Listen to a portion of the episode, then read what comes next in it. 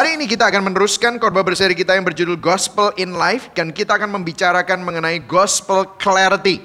Kita akan menjelaskan mengenai kejelasan Injil, apa itu maksudnya. Dan sering kali kita itu sering mendengar uh, kalau saudara uh, bilang tentang doktrin, orang itu nggak suka ngomongin doktrin. Uh, makanya ada yang bilang, oh pastor saya ini nggak suka doktrin, saya sukanya ngomongin Yesus saja dan menghidupi iman aja lah, nggak usah doktrin yang berat-berat. Nah saudara itu merupakan sesuatu yang sangat bertolak belakang karena bagaimana saudara dapat ngomongin tentang Yesus dan menghidupi iman di dalam Yesus kalau saudara tidak mengenal siapa Yesus yang sebenarnya.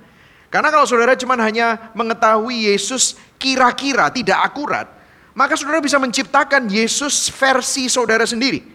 Tuhan versi saudara sendiri. Dan jadi kalau saudara bilang bahwa doktrin itu nggak penting, maka itu adalah doktrin saudara.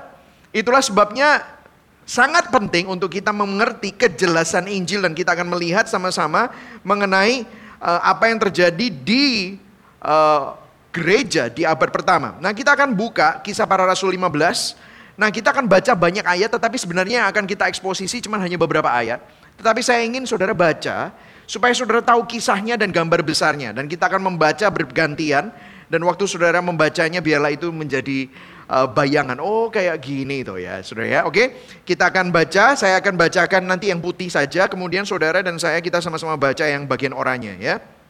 Kisah para rasul 15 ayat 1 1 2 3 Beberapa orang datang dari Yudea ke Antioquia dan mengajarkan kepada saudara-saudara di situ, jikalau kamu tidak disunat menurut adat istiadat yang diwariskan oleh Musa, kamu tidak dapat diselamatkan. Tetapi Paulus dan Barnabas dengan keras melawan dan membantah pendapat mereka itu. Akhirnya ditetapkan supaya Paulus dan Barnabas serta beberapa orang lain dari jemaat itu pergi ke rasul-rasul dan penatua-penatua di Yerusalem untuk membicarakan soal itu. Ayat 3, mereka diantarkan oleh jemaat sampai keluar kota. Lalu mereka berjalan melalui Fenisia dan Samaria dan di tempat-tempat itu mereka menceritakan tentang pertobatan orang-orang yang tidak mengenal Allah. Hal itu menggembirakan hati saudara-saudara di situ. Kemudian ayat 4, setibanya di Yerusalem mereka disambut oleh jemaat dan oleh rasul-rasul dan penatua-penatua. Lalu mereka menceritakan segala sesuatu yang Allah lakukan dengan perantaran mereka. Nah ini saudara ya, yang nomor ayat 5, 1, 2, 3. Tetapi beberapa orang dari golongan Farisi yang telah menjadi percaya, datang dan berkata, orang-orang bukan Yahudi harus disunat dan diwajibkan untuk menuruti hukum Musa. Maka bersidanglah rasul-rasul dan penatua-penatua untuk membicarakan soal itu. Sesudah beberapa waktu lamanya berlangsung pertukaran pikiran mengenai soal itu. Berdirilah Petrus dan berkata kepada mereka, Hai saudara-saudara, kamu tahu bahwa telah semul, sejak semula Allah memilih aku dari antara kamu, supaya dengan perantaran mulutku, bangsa-bangsa lain mendengar berita Injil dan menjadi percaya.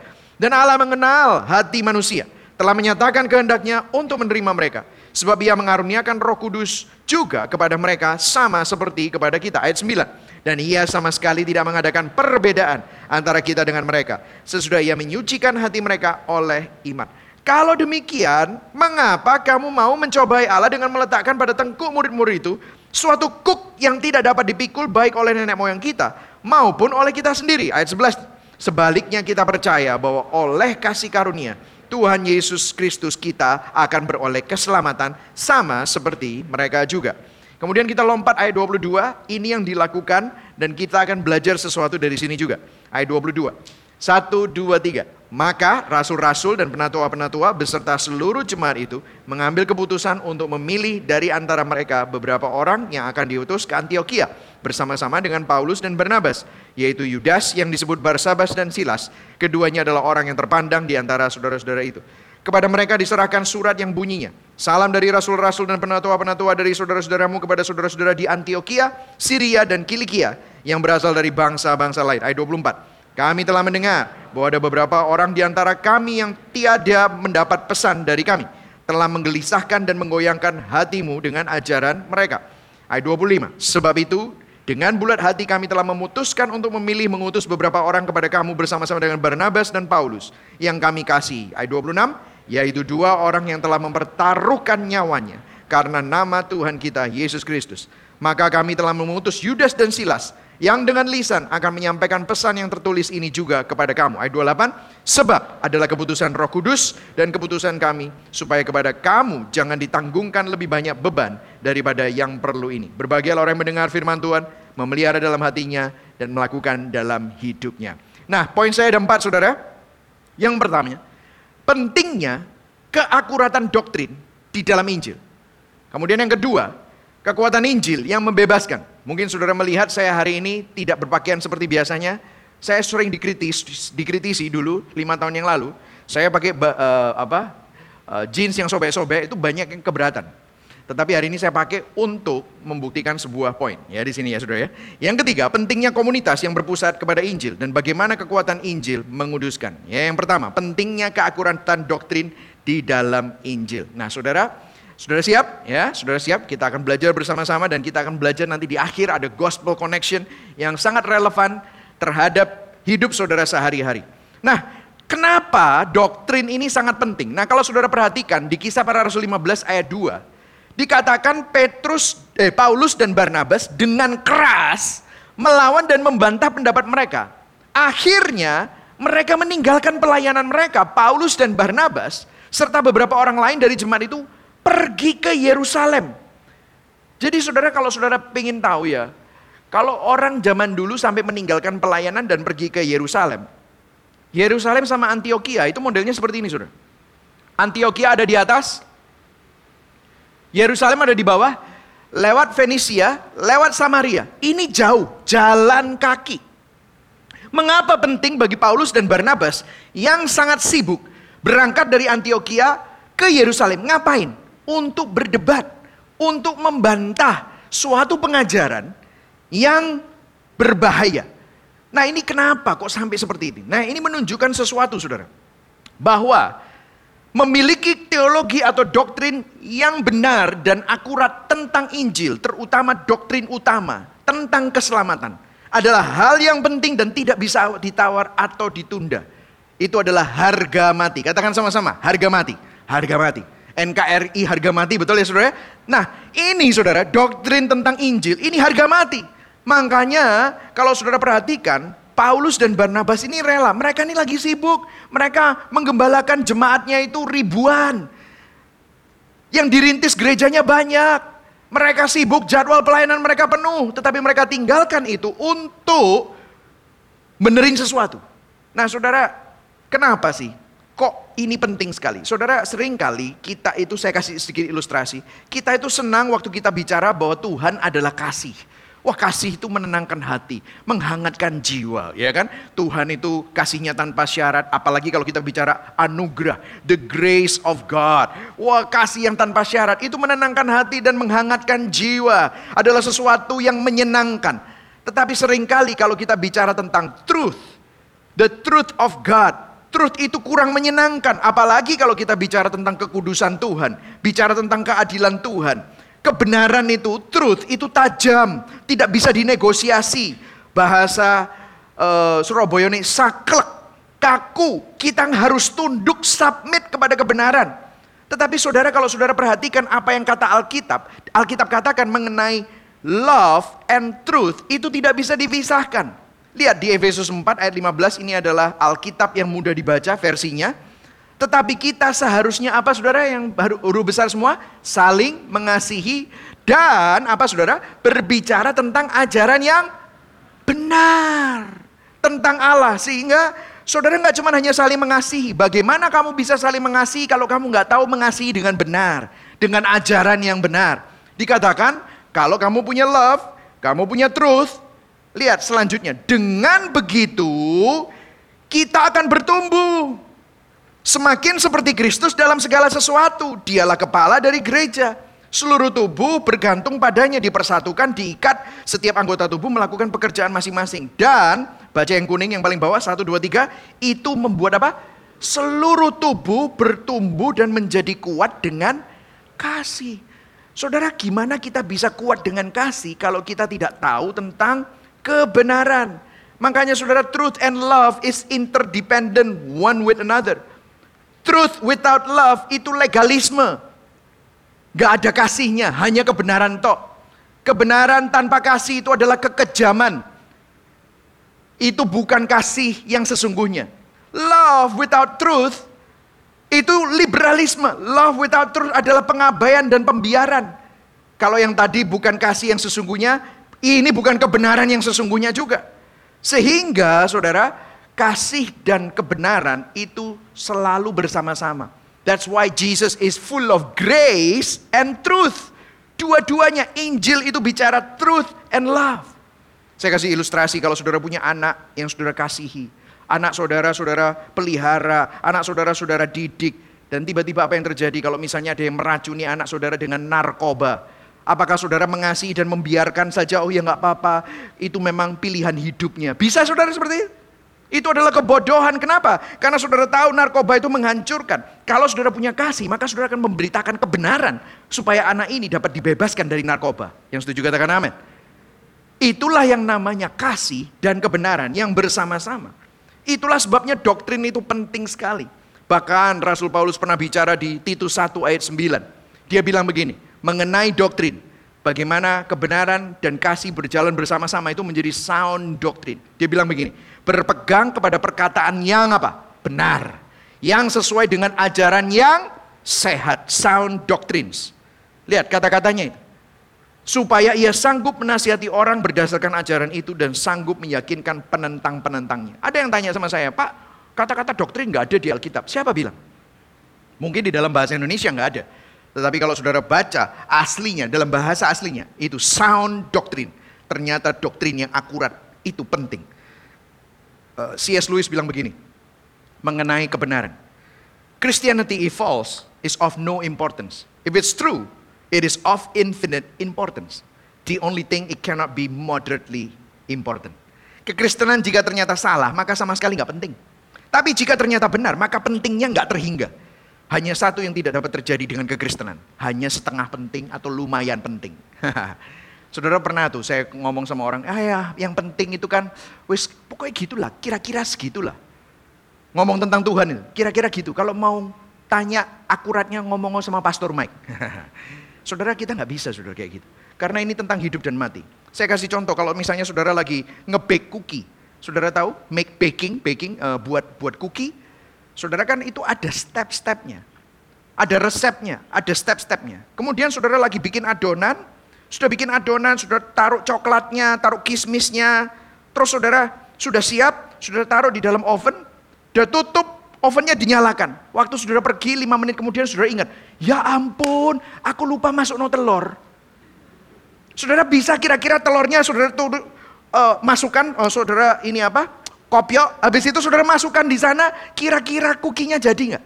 Nggak jadi, nggak akurat soalnya. Stepnya nggak akurat, semuanya ngaco. Kacau saudara, hidup kita juga begitu. Kita nggak bisa nggak akurat. We have to know the truth. Makanya saya ingin supaya saudara itu diperlengkapi sebagai seorang Kristen yang baik, murid Kristus. Makanya ikut APS. Makanya ikut komunitas. Makanya saudara perlu disiplin rohani. Kenapa? Perlu akurat. Nah, kita masuk ke dalam poin yang kedua. We have a lot to cover ya. Yang kedua, kekuatan Injil yang membebaskan. Nah, ini kita masuk ke dalam hal yang cukup fun ya, Saudara ya. Apa sih yang diperdebatkan? Kok sampai mereka repot-repot supaya punya doktrin yang akurat? Oh, ternyata ini yang diperdebatkan di ayat 1. Beberapa orang datang dari Yudea, ya ini orang-orang yang berasal dari gereja di Yerusalem. Ke Antioquia. Kalau tadi dari Antioquia ke Yerusalem, ini dari Yerusalem ke Antioquia. Mengajarkan kepada saudara-saudara di situ. Baca yang kuning sama-sama ya. Satu, dua, tiga. Jikalau kamu tidak disunat menurut adat istiadat yang diwariskan oleh Musa, kamu tidak dapat diselamatkan. Wah ini loh masalahnya. Ternyata ini yang menjadi poin perdebatannya. Nah, saudara saya memberikan sedikit background kalau saudara membaca hermeneutika, membaca kalau mau memberitakan firman, kita harus akurat tahu konteksnya. Nah konteksnya begini saudara, banyak orang Kristen di abad pertama, pertama-tama yang jadi orang Kristen itu banyak orang Yahudi memang. Dan orang Yahudi selama dari kecil, mereka hidup berdasarkan hukum Taurat perjanjian lama, Torah. Dan yang paling penting sebagai orang yang hidup di dalam hukum Taurat adalah semua laki-laki itu harus disunat. Nah tetapi ini bukan cuma hanya berlaku, mau diberlakukan, bukan cuma hanya orang Yahudi. Tapi kepada bangsa-bangsa lain yang jadi Kristen, dijadikan syarat kalau kamu mau selamat, kamu juga harus disunat. Nah saya wondering kalau sampai syarat menjadi anggota gereja Gibeon Church. itu semua laki-laki harus disunat gitu saudara. Mungkin kelas APS bukan 200 orang, tetapi tinggal 50 mungkin. Itu aja bomboan saudara ya. Kenapa? Sunat ini bicara tentang sesuatu yang sangat intim. Itu adalah alat vital, ada yang dipotong, maaf ya, ada yang dipotong, ada darah yang tercurah. Ini ternyata menyimbolkan sesuatu. Nah, ini menjadi syarat sehingga ada percampuran antara kekristenan dengan agama Yahudi. Dan ini yang dipertentangkan. Maka gara-gara ini kalau saudara baca ayat 6, maka bersidanglah rasul-rasul dan penatua-penatua untuk membicarakan soal itu. Di Alkitab baru pertama kali ditulis ada sidang sinode majelis ya. Pertama kali ternyata ini terjadi Saudara ya. Jadi memang uh, rapat majelis, rapat sinode itu ternyata Alkitabiah, ternyata ada di sini. Nah, apa yang menjadi uh, perdebatan mereka secara singkat kalau saudara perhatikan ayat 8 berkata dan ayat 9 mengatakan bahwa Allah menyucikan hati baik orang Yahudi maupun orang non-Yahudi. Tidak perlu sunat-sunatan gitu. Saudara. Kemudian ayat 10-nya dikatakan begini. Kalau demikian, ini adalah preliminary konklusi dari Rasul Petrus. Dia bilang, kalau demikian, kenapa kamu mencobai Allah dengan meletakkan pada tengkuk murid-murid suatu kuk yang tidak dapat dipikul baik oleh nenek moyang maupun oleh kita sendiri. Maksudnya begini saudara, apa artinya? Apa maksudnya? Sunat hanyalah salah satu dari 613 peraturan Torah, Taurat. Kalau nenek moyang mereka nggak bisa mengikuti hukum Taurat secara sempurna, kenapa kok kita membebankan itu kepada orang Kristen petobat baru? Ini dari bangsa lain, nggak perlu. Karena begini saudara, dari sunat itu pasti merembet ke yang lain. Nanti nggak boleh makan babi, nanti nggak boleh makan kepiting, nggak boleh makan udang, nggak boleh makan uh, yang najis pokoknya. Wah kira-kira kalau nggak boleh itu semua, Chinese restoran tutup bro. ya kan? Nah ini masalah saudara. Kenapa? Karena bukan tentang itu. Karena kalau kamu berpikir bahwa kamu diselamatkan karena sunat, karena kamu tidak makan ini, melakukan ritual-ritual itu, maka kamu kehilangan esensi Injil. Terus lihat ayat 11. Rasul Petrus ngomong esensi Injil bahwa kita baca sama-sama ayat 11 yang keras. Satu, dua, tiga. Sebaliknya kita percaya bahwa, ayo sama-sama, oleh kasih karunia Tuhan Yesus Kristus, kita akan beroleh Berikan tepuk tangan buat Tuhan ini kasih karunia. Bukan karena kamu disunat, bukan karena kamu nggak makan ini, nggak makan itu, sembayang, kamu perpuluhan, bukan bukan itu. Saya nggak bilang berdoa nggak penting, saya nggak bilang beribadah nggak penting, saya nggak bilang memberikan persembahan itu mulia, bukan. Tetapi keselamatanmu itu oleh kasih karunia. Ayat 12, maka diamlah seluruh umat itu mereka mendengarkan Paulus dan Barnabas. Dari preliminary, dari konklusi yang pertama ini, God saved us by grace alone. Tuhan menyelamatkan kita hanya karena kasih karunia-Nya saja, sola gracia. Yang setuju katakan amin. Ini bukan perbuatan manusia, ini karya Allah semata. Jadi saudara, ini menjadi konklusi. Oh ternyata jangan sampai kita itu menambah-nambahi Injil atau menggeser esensi Injil. Nah, kemudian ada yang menarik. Tadi nggak sempat kita baca, tapi saya tulis di sini nanti. Ada seorang namanya Yakobus, bukan salah satu rasul. Yakobus ini yang menulis kitab Yakobus. Pemimpin gereja di Yerusalem. Dia terakhir mengambil konklusi yang besar. Dan dia bilang begini. Sebab itu aku berpendapat bahwa kita tidak boleh menimbulkan kesulitan bagi mereka dari bangsa-bangsa lain yang berbalik kepada Allah. Bahasa Inggrisnya, let us not make it difficult for people to turn to God. Jangan bikin susah. Nah, saudara, saya berhenti di situ. Kemudian saya menyelidiki ayat ini. Dan ternyata memang banyak sekali penyelidikan dari pakar-pakar Alkitab yang berkata begini, bahwa manusia memiliki kecenderungan dosa yang suka bikin susah orang itu untuk bertobat sama Tuhan dan membuat ada pergeseran dari esensi Injil. mestinya Injil itu kan bukan nasihat baik. Minggu lalu kita udah belajar. Injil adalah kabar baik. Kalau nasihat baik itu apa yang harus kita lakukan untuk mencapai Tuhan. Itu bukan Injil. Itu do. Tetapi Injil adalah apa yang Tuhan sudah lakukan. Makanya kabar baik, gospel. Bukan tentang cara menang perang, tetapi peperangannya sudah dimenangkan. Bukan do, but it's done. Yang setuju katakan amin. Nah kita belajar minggu lalu mengenai ini. Nah kita suka menggeser dari dan, kok enak ya? Terlalu gampang. Kita perlu bikin peraturan baru, sunat. itu suka gitu. Nah mungkin, nah saya mau explore ini. Mungkin sekarang sunat udah nggak ada. Bukan tentang itu. Tetapi kita suka membuat pergeseran-pergeseran. Nah saya akan kasih tiga saja pergeseran-pergeseran yang paling sering terjadi di antara orang Kristen dan gereja-gereja. Yang pertama adalah pergeseran dari kasih karunia ke hukum, legalisme. Saya kasih contoh ya saudara.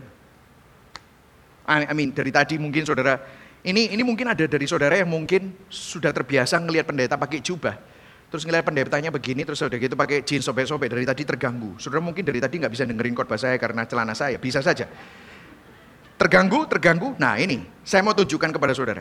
Pernah nggak dengar teologi? Kalau kamu ketemu Tuhan harus pakaian yang the best. Harus memberikan yang terbaik. Kalau ketemu Tuhan itu harus pakaian yang paling rapi. Wong ketemu presiden aja, ketemu orang penting, kita ke kawinan aja harus pakai baju pesta. Masa ketemu Tuhan pakai jeans sobek-sobek, apalagi khotbah firman Tuhan. Tidak boleh pastor pakai jeans sobek-sobek itu. Sudah pernah dengar seperti itu? Ya, ya. Ini pernah saya di WA saudara, pernah di DM, bukan cuma hanya satu dua orang, banyak saudara. Makanya bukan berarti saya tidak mendengarkan. Saya sudah berhenti pakai yang sobek-sobek. Dulu ya saudara, saya ini gondol, jenggotan, pakai jeans sobek-sobek, lengan pendek. Saudara, saya nggak pernah pakai lengan pendek lagi. Kenapa? Di sini banyak tatonya, saudara. Oh ya, gitu saudara. Nggak tahu. Waduh, gembalaku tatoan wis gak nang gereja kene mana ya nggak apa-apa, saudara. You know. Tapi gini loh, kita ini suka bergeser dari kasih karunia ke hukum. Saya kembali kepada teologi tadi ya. Saya balik. Berapa banyak saudara di sini sebelum tidur berdoa? Nggak usah angkat tangan. Tadi saya minta pagi-pagi angkat tangan, banyak yang nggak angkat tangan. Terus saya tanya, ya nggak angkat tangan nggak berdoa semua tak gitu saya bilang. Ternyata wow, ya berdoa pastor tapi malu angkat tangan gitu saudara. Oke, gini aja. Siapa di sini ya yang sebelum tidur berdoa anggu-anggu aja? Oh ya banyak ya, banyak yang berdoa. Oke oke, saya tanya ya, saya tanya lagi. Kamu berdoa pakai jas lengkap atau pakai piyama? Ada yang bilang gini, aduh pastor saya kalau tidur pakai kancut pastor. kalau coba pakai celana dalam toh, terus saudara berdoa, Kira-kira sopan atau enggak? Nah ini saya saya stres lagi ya. Berapa banyak di sini yang lagi boker, terus tiba-tiba ingat anakmu. Waduh ya, Tuhan tolongin anakku Tuhan. Saudara berdoa, di atasnya WC, maaf nih ya, lagi saudara lagi boker, lagi pup. Berapa banyak di sini? Nggak usah angkat tangan, nggak usah anggu-anggu. Too much information. Tetapi saya tahu ada dari banyak saudara pernah berdoa pada waktu saudara lagi di WC. Sopan atau tidak? Gini, it doesn't matter. Karena apa? Sejak Yesus berkata, sudah selesai. Tirai yang memisahkan ruang maha kudus dan ruang kudus itu sobek. Artinya apa? Tidak ada lagi protokol untuk masuk kepada hadirat Allah. Bahkan firman Allah berkata, tidak tahukah kamu bahwa tubuhmu adalah bait roh kudus. Jadi saudara ada di WC, di supermarket, saudara maaf nih, ada di klub atau di gereja. Tuhan itu ikut ke mana saja. Saudara mau pakaian jas lengkap atau cuman pakai kancut, tadi saya bilang. Tuhan bersama dengan saudara. Halo. Nah, Kadang-kadang kita itu suka menambah-nambahin. Kadang-kadang kita nggak per hal-hal yang non esensi kita jadikan. Pakai drum boleh atau enggak? Pakai lighting boleh atau enggak? Betul enggak? Jadi beberapa beberapa waktu yang lalu di di sini kebetulan jan, enggak janjian atau gimana mereka pakai Warnanya putih semua, putih hitam semua. Putih hitam semua. Ini ada beberapa, bukan cuma satu Beberapa jemaat bilang, waduh pastor, saya melihat pemandangan yang indah tadi. Kenapa maksudnya? Bukannya rapi sekali. Tadi itu di panggung rapi sekali. Loh, biasanya kan ya rapi sih. Maksudnya apa? Oh enggak semuanya itu pakai seragam pastor. Itu loh. Kalau menghadap Tuhan itu dengan suatu apa sesuatu yang bagus. Semuanya terkoordinasi. Ini luar biasa. Sehingga seakan-akan hadirat Tuhan itu lebih dirasakan kalau seperti itu. Nah saudara bahaya ini. Karena akhirnya kita bergeser dari sesuatu yang esensi jadi yang non esensi. Saya masih ingat dulu saya menjadi bagian dari sebuah gereja untuk menjadi pemain musik atau menjadi penyembah. Kita harus tanda tangan kontrak, saudara. Acceptable behavior for worshiper. Worshipper. Daftar perilaku yang dapat diterima sebagai seorang penyembah. Saya baca itu. Dulu saya tanda tangan. Saya komitmen untuk melakukan itu. Tidak boleh dengar lagu dunia. Tidak nonton film dunia. Kalau pacaran nggak boleh gandengan. Harus selalu pulang ke rumah sebelum pukul 10 malam. Apa yang terjadi? Akhirnya ini menjadi hukum Taurat baru. Saya sampai tanya, ini kenapa kok harus seperti ini? Karena supaya pada hari Minggu, waktu kita menyembah, hadirat Tuhan tidak terhambat oleh dosamu. Uh. Lah terus apa fungsi salib Kristus? Emangnya ada yang nggak berdosa? Sekarang ini loh jam jam berapa ini? Jam 2. Kira-kira saudara di sini belum berdosa semua? Kita sudah berdosa. Lantas apa esensi dari semua itu. Peraturan-peraturan non esensi dijadikan esensi. Sehingga akhirnya kita hanya mendirikan tradisi mati. Inilah pergeseran dari kasih karunia kepada hukum. Sehingga kita mendirikan sesuatu yang namanya legalisme. Tidak ada lagi esensi Injilnya. Yang kedua saudara.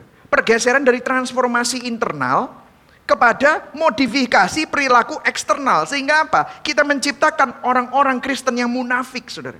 Saudara, saya kasih contoh ya. Saya per, dulu waktu saya masih di Amerika, saya pernah menghadir, menghadiri sebuah pernikahan, pernikahan kawin campur antara orang bule sama orang Indonesia. Ya, bukan saya memberkati waktu itu, tetapi waktu itu saya hadir. Nah, saudara tahu, orang bule itu terkenal on time. Jadi kalau misalnya saudara janjian sama orang bule makan siang jam 12, dia jam 12 kurang 5 pasti sudah ada di restoran. Itu biasa. Nah, tapi masalahnya orang Indonesia itu bukan on time, flexible time, kan begitu saudara. Fleksibelnya itu sampai wah sangat sangat bisa sangat fleksibel ya saudara ya. Nah, ini kalau bahasa Jawa ini jam karet gitu loh ya saudara ya. Nah, apa yang terjadi? Itu wedding jam 2, jam 2 kurang 15 itu orang bule-bule udah pada datang satu keluarga. Yang sebelah kanan yang cowok, yang sebelah kiri yang cewek gitu saudara. Yang cewek orang Indonesia, yang cowok orang bule. Nah apa yang terjadi jam 2 TED itu yang bule full penuh. Yang Indonesia kosong saudara. Wah, apa yang terjadi? Yang bule-bule ini wah gelisah kan lihat sini, kipas-kipas lihat belakang, itu gak teko-teko kabeh. Ini bule ini bahasa Jawa gitu ya. Kok gak teko-teko kabeh, kok gak ada yang datang ya apa sih? Gitu. Nah kira-kira 2.15 mulai pada datang. yang guyang guyu gitu kan saudara ya datang gitu ya. Wah udah mulai kira-kira 2.30 setengah jam kemudian itu 75% penuh ya. Nah akhirnya sudah ya weddingnya udah selesai. Of course di tengah-tengah khotbah pasti masih ada yang datang gitu kan gitu ya. Ya seperti di Gibeon lah mirip-mirip lah ya gitu saudara ya. ya gitu. Jadi waktu Waktu khotbah sudah selesai, terus resepsi. Nah, apa yang terjadi? Dengar, saya mendengarkan ini yang diomongkan orang-orang. Ini of course yang bule orang-orang ini ya. Maksudnya of course dia nggak ngomong gitu, tapi saya ngerti maksudnya. Nggak menghargai waktu, jam berapa, tadi kita sampai telat setengah jam. Ini lihat mundur semua. Akhirnya dinernya juga harus mundur semua, gini, gini, gini. gini. Basically orang boleh ngomong gini, mereka itu ya nggak kayak kita. Kita ini menghargai waktu. Namanya jam 2 ya jam 2. Gimana sih orang-orang itu? Nah saya nggak mengkritisi yang bule. Yang Indonesia podo. Dia bilang, bule-bule wah so on time. Wah, ya kan bilang gitu. Kita ini loh ya, yang penting kan kekeluargaan. ya kan gitu kan, kekeluargaan yang penting ini kita bareng-bareng gitu. Dengarkan saya. Manusia punya kecenderungan untuk memaksa orang lain menjadi seperti dia. Cara pakaiannya. Saya masih ingat ya. Uh, dulu itu saya kan nakal Terus habis itu saya bertobat. Saya ngajak teman-teman saya yang nakal itu. Ada yang teman-teman saya yang nakal itu datang bertobat sudah bertobat benar, ketemu sama leader gereja. Langsung, kamu udah bertobat kan ya? Dia ada yang pakai anting-anting itu, anting-antingnya copot. Terus ke gereja pakai celana pendek. Mulai sekarang kamu udah boleh pakai celana pendek. Jadi akhirnya apa yang terjadi? Saya nggak bilang anting-anting nggak boleh, nggak perlu dicopot. Kelakuan kita nggak perlu berubah. Perlu, tetapi jangan dijadikan hukum. Kalau mereka berubah gara-gara sungkan sama saudara, itu bukan transformasi. Itu akhirnya modifikasi perilaku karena apa? Berusaha diterima. Itu bukan pertobatan, itu sungkan. Sungkan sama manusia. Itu belum tentu menjadi sebuah dorongan yang asli dari hati. Jadi saudara lihat ini kecenderungan manusia. Gereja dan kekristenan juga sama. Transformasi internal digeser jadi modifikasi perilaku eksternal. Sehingga kalau saudara punya pikiran seperti itu, kalau ngelihat gereja, kalau nggak sesuai sama preferensi kita, selera kita, kita bilang, gereja kok kayak diskotik. Gereja kok pendetanya pakai sobek-sobek. Pendeta yang benar itu pakai jubah. Wah kan gitu kan. Sedangkan kita ini mungkin saudara bilang, oh ya, preach pastor. Kita ke gereja yang pendetanya pakai jubah. Pendeta kok pakai jubah? Tahun piro iki? Ngono. 2022 kok saya pakai jubah. Nah, mungkin saudara bilang gitu. Pendeta kok atau kalau enggak kebaktian nih kok nyanyinya enggak pakai LED, pakai buku. Ya apa sih gitu saudara? Buku itu loh. Siapa sih saya punya buku? Aku pakai Kindle. Wah, gitu kan. iBooks. Tidak ada tepuk tangan, ada nih berdiri, duduk, berdiri, duduk, berdiri, duduk. Bosen nih, nah, misalnya gitu. Apa yang terjadi? Kita bergeser. Dari transformasi internal menjadi modifikasi perilaku. Kita memaksa orang memiliki behavior, kelakuan yang sama dulu. Untuk mereka bisa belong. Belong di dalam komunitas. Padahal kebalik. Tuhan Yesus lu nggak pernah suruh Sakius. Nggak pernah lu ada kata-kata Sakius, Sakius. Konikurere bertobat-tobat, enggak pernah gitu. Malah makan di sana sama teman-temannya yang pemungut cukai. Malah dikritisi sama orang-orang yang beragama. Kok gurumu itu makan sama orang berdosa? Itu Yesus. Waktu ada perempuan yang tertangkap berzina, dia tidak melihat dari atas ke bawah, dia juga ikut duduk dan ngobrol dengan perempuan itu. Saudara lihat, ini adalah approach-nya Yesus.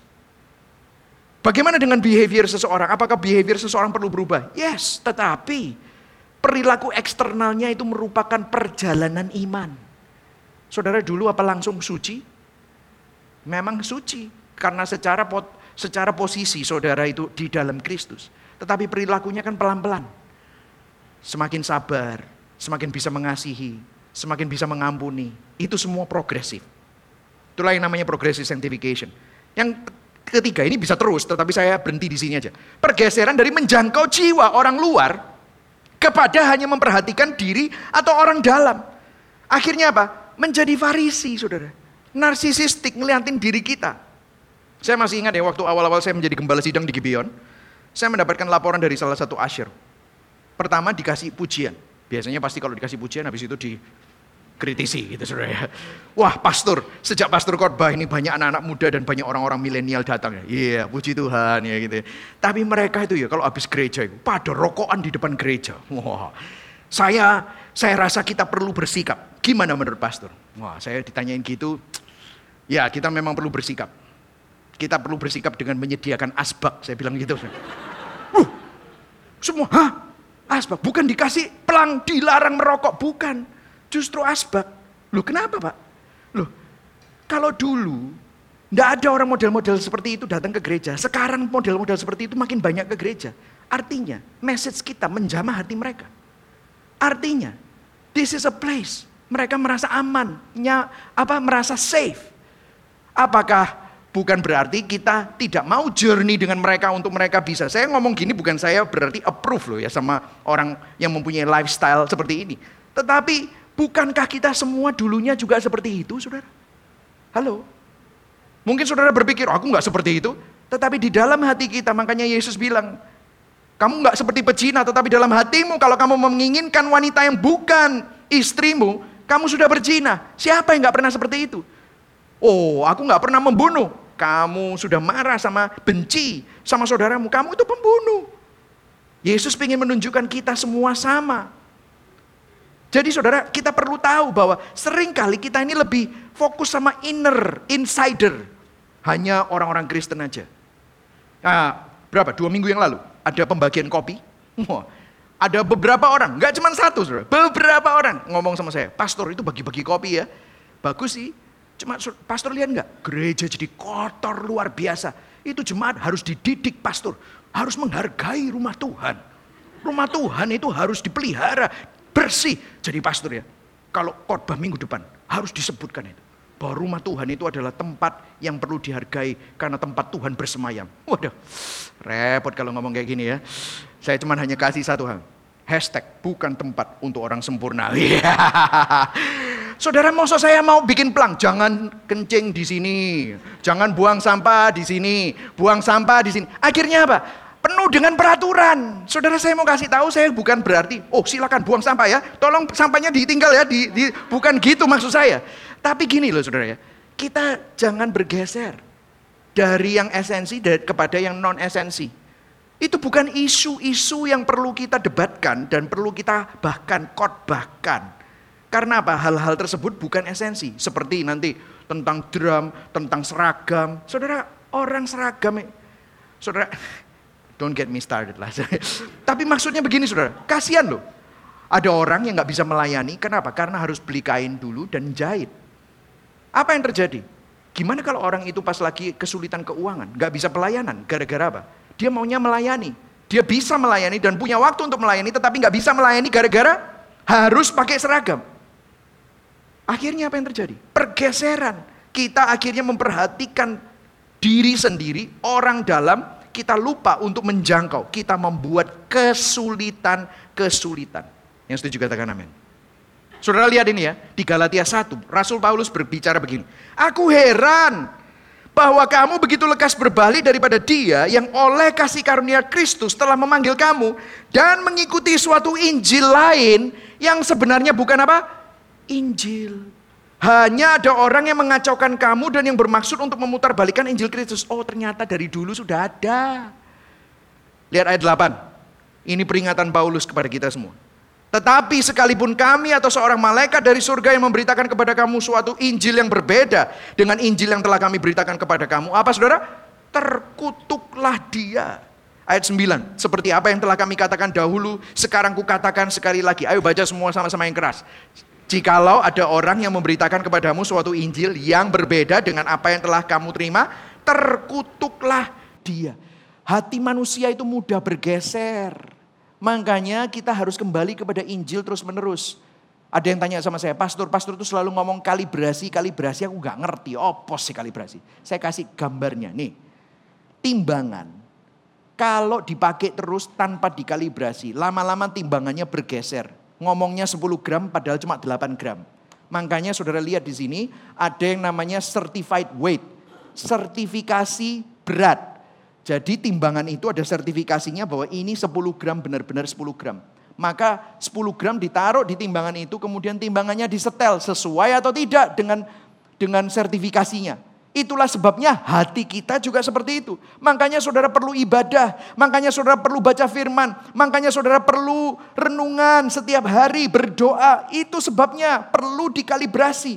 Gimana kalau saudara mau menimbang sesuatu ini benar atau salah? Gimana bisa menimbang kalau timbangannya rusak? Yang setuju katakan amin. Kita perlu dikalibrasi oleh Injil setiap hari, setiap saat, setiap minggu. Itulah sebabnya minggu demi minggu di pulpit ini selalu ada Injil yang mengkalibrasi hati. Kemudian kita masuk ke dalam yang ketiga.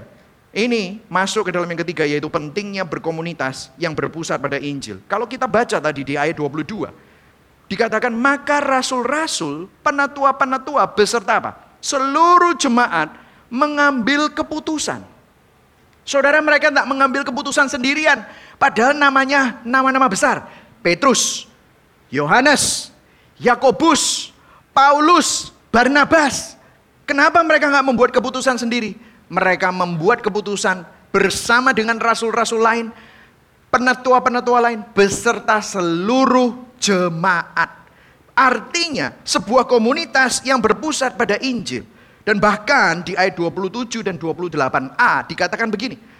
Maka kami telah mengutus Yudas dan Silas yang dengan lisan akan menyampaikan pesan yang tertulis ini kepada kamu. Ayat 28. Ini sesuatu yang menarik. Di 28a.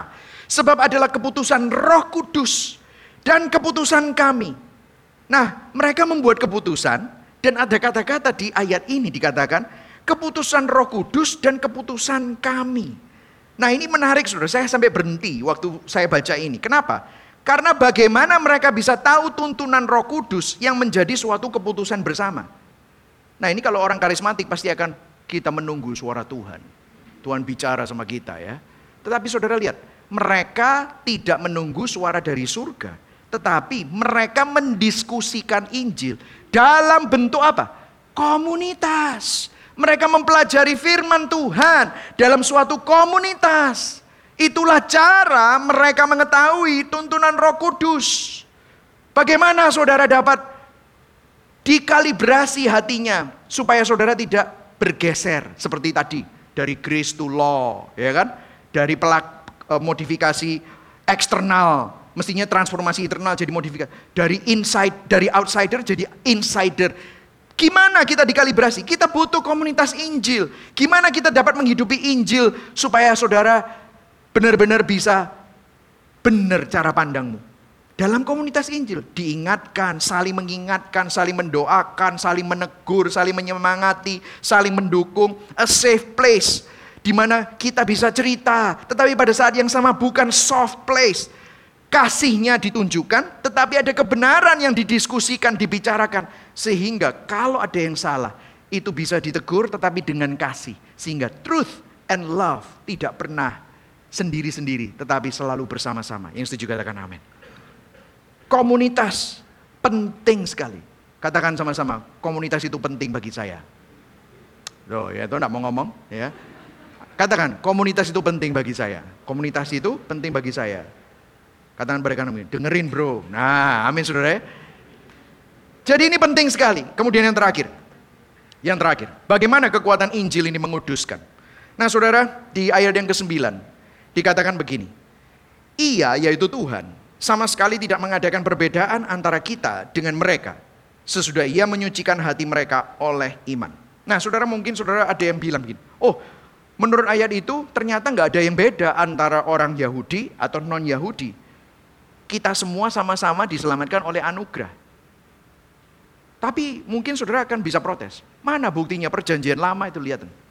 Katanya bangsa Israel bangsa pilihan. Berarti orang Indonesia bukan pilihan. Gitu tak? Nah, Bagaimana dikatakan tidak ada perbedaan, tetapi di perjanjian lama hukum Taurat membuat ketentuan yang membedakan Israel dengan bangsa-bangsa yang lain. Salah satunya adalah melalui sunat. Kalau kita baca kitab imamat, ada lima korban yang harus dilakukan oleh bangsa Israel. Ada aturan-aturan di mana saudara tidak melakukan, tidak boleh melakukan ini dengan darah, harus melakukan ini dengan darah. Ada bulan ini, bulan itu, Yom Kippur, tahun Yobel, semua uh, apa hari raya hari raya Israel itu kenapa harus terus dilakukan? Nah, dengarkan saya. Para pakar Alkitab Perjanjian Lama mengatakan ada alasannya kenapa Perjanjian Lama seperti itu. Yang pertama, ini alasan historis ya dan alasan teologis. Kenapa? Karena hukum Taurat yang diberikan melalui kitab imamat adalah untuk memisahkan bangsa Israel, orang Yahudi secara budaya, dengan bangsa lain yang menyembah berhala. Tuhan ingin supaya bangsa Israel enggak kawin campur dengan bangsa lain yang menyembah berhala. Karena kalau enggak, nanti tulisan nabi-nabi, nubuatan tentang Yesus, Mesias, itu dapat larut dan hilang dan kecampur dengan teori-teori nabi-nabi. Sehingga apa yang terjadi? Nanti ada sinkretisme. Sinkretisme itu pencampuran antara semua nubuatan para nabi-nabi, kita para nabi, uh, Torah, Nevim, Ketuvim itu nanti kecampur dengan tradisi-tradisi penyembahan berhala. Nanti apa yang terjadi? Ini semua menunjuk kepada sesuatu. Nah, apa yang menjadi nubuatan-nubuatan itu? Di Ibrani 10 ayat 1 dikatakan begini. Di dalam hukum Taurat hanya terdapat apa Saudara? Bayangan. Katakan sama-sama bayangan. Bayangan saja dari keselamatan yang akan datang dan bukan hakikat dari keselamatan itu sendiri. Karena itu dengan korban yang sama dan setiap tahun terus-menerus dipersembahkan, hukum Taurat tidak mungkin menyempurnakan mereka yang datang dan mengambil bagian di dalamnya. Ini bukan hakikatnya. Ini cuma simbol dan bayangan akan apa yang akan terjadi. Nah, yang kedua, ya, ini makanya masuk ke dalam yang kedua. Hukum Taurat yang diberikan melalui kitab imamat adalah bayangan yang akan digenapi di perjanjian baru. Lah bayangannya ini apa? Kolose 2 ayat 16 sampai 17 berkata begini. Karena itu, janganlah kamu biarkan orang menghukum kamu mengenai makanan, minuman, mengenai hari, hari raya, bulan baru ataupun hari Sabat. Itu ayat 16. Saya tambahin ya ayat 16. Mengenai model musik, desain gereja, baju seragam. Ada yang bilang sama saya, Pak, pakai batik itu lebih kudus. Waduh, bukan pakai batik atau nggak pakai batik. Potongan hamba Tuhannya, pakai jubah atau pakai jeans, pakai drum atau pakai lighting. Itu nggak meter. Karena itu bukan esensinya. Lihat 17. Baca sama-sama. Satu, dua, tiga. Semuanya ini hanyalah bayangan dari apa yang harus datang. Sedang wujudnya ialah siapa? Kristus. Semuanya ini menuju, mengerucut kepada siapa? Kristus.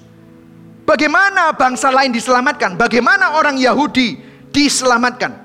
Kisah para Rasul 15 ayat 9. bahwa Tuhan tidak mengadakan perbedaan antara kita dengan mereka. Sesudah apa? Ia menyucikan hati mereka oleh iman. Jadi kalau tadi yang awal, God save us by grace alone, through faith alone. Tuhan menyelamatkan kita hanya karena kasih karunia-Nya saja. Oleh iman, sola fide. Kamu tidak perlu melakukan ABC, kamu cuma hanya perlu percaya. Berikan tepuk tangan buat Tuhan. Wah. Bukan berarti kamu perlu melakukan ABC. Artinya begini, kalau saudara orang Indonesia, suku Jawa, Batak, Ambon, Manado, suku Tionghoa, apa pun sukumu, orang Hokkien, orang Ge, orang Sinju, apa pun sukumu, kamu tidak perlu menjadi orang Yahudi. Orang Kristen tidak perlu ke Yahudi-Yahudian. Karena apa? Iman kepada Kristus saja itu yang menyelamatkan kamu. Itu you are saved by grace through faith. Justification by grace through faith. Tuhan menyelamatkan kita hanya karena kasih karunia oleh iman. Nah mungkin saudara tanya, lantas sunat itu untuk apa? Apa makna sunat di sini? Rasul Paulus menulis suratnya lagi di jemaat Kolose mengenai sunat. Dia bilang begini, saya akan akhiri di sini. Di dalam dia, kamu telah disunat. Bukan dengan sunat yang dilakukan oleh manusia. Tetapi dengan sunat Kristus. Wow. Sunat Kristus, yes yang terdiri dari penanggalan akan tubuh yang berdosa. Karena dengan dia, dengan Kristus, kamu dikuburkan dalam baptisan. Dan di dalam dia kamu turut dibangkitkan. Juga oleh kepercayaanmu kepada kerja kuasa Allah yang telah membangkitkan dia dari orang mati. Apa yang menjadi esensi sunat Kristus? Saudara, kalau saudara baca pelan-pelan, sunat Kristus bicara mengenai karya salib Kristus. Di Matius 27 ayat 46. Yesus di atas kayu salib dia berkata, "Allahku, Allahku, mengapa engkau meninggalkan aku?" Dia berteriak, "Eloi, Eloi, lama sabaktani." Saat itu Yesus terputus hubungan dengan Bapaknya di surga. Ini adalah penggenapan dari Yesaya 53 ayat 8. Dikatakan ia, yaitu Yesus, terputus dari negeri orang-orang hidup dan karena pemberontakan umatku Yesus dia kena tulah. Apa yang dimaksud di sini? Bahasa asli terputus itu adalah dipotong dari negeri orang hidup. Di mana kata-kata dipotong bahasa Ibrani adalah gozar yang memiliki arti lain yaitu disunat.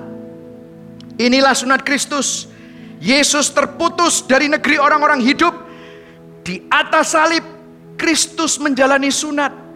Hidup Kristus yang kekal, yang gak bisa mati, dipotong untuk mati di atas kayu salib. Sehingga saudara dan saya yang mati, yang terpotong dari kekekalan, dapat menerima hidup yang kekal di dalam Kristus lagi. Saudara dan saya yang najis, saudara dan saya yang berdosa, tidak bisa terhubung lagi dengan dengan Tuhan. Hubungan Kristus dengan Bapa dipotong kekudusan Kristus jadi najis, disalib supaya kita yang najis karena dosa dapat jadi kudus di dalam Kristus.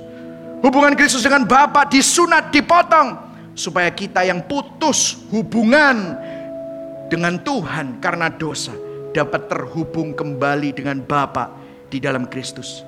Hidup Kristus yang bersih menjadi kotor disalib supaya kita yang kotor yang sudah putus hubungan dengan Bapa karena dosa dapat menjadi bersih.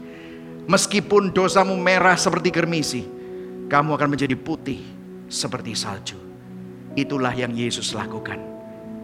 Saudara nggak perlu takut terpotong dari Tuhan. Saudara nggak perlu takut ditinggalkan sendirian oleh Tuhan. Dia mengalami itu. Dia yang terpotong. Dia yang ditinggalkan sendirian. Dia yang jadi najis. Dia yang dihukum. Supaya saudara dan saya tidak dihukum. Implikasinya apa? Saudara sedang hadapi apa akhir-akhir ini? Siapa yang meninggalkan saudara? Let me tell you, Tuhan tidak akan pernah meninggalkan saudara. Siapa yang menyertaimu yang akhirnya mengkhianatimu? Mungkin suamimu mengkhianatimu, istrimu mengkhianatimu, dan engkau hancur. Tetapi hari ini saya mau kasih tahu kepada saudara, Yesus tidak akan pernah mengkhianatimu. Dia dikhianati Yudas. Makanya dia tahu rasanya. Dia dikhianati oleh Petrus, Yohanes, Yakobus. Waktu berdoa di Taman Getsemani, mereka tidur. Sehingga Yesus ditinggalkan sendirian. Untuk apa dia alami? Supaya dia bisa bilang sama kamu. Supaya dia bisa bilang sama saudara. I know how it feels. And I'm with you. And I will never leave you. I did that on the cross. Supaya engkau terhubung dengan sumber dari segala sumber. Dialah Kristus. Berikan kemuliaan buat Tuhan. Amin saudara. Biarlah hari ini. Mari sama-sama kita dikalibrasi. Mari bangkit berdiri saudara.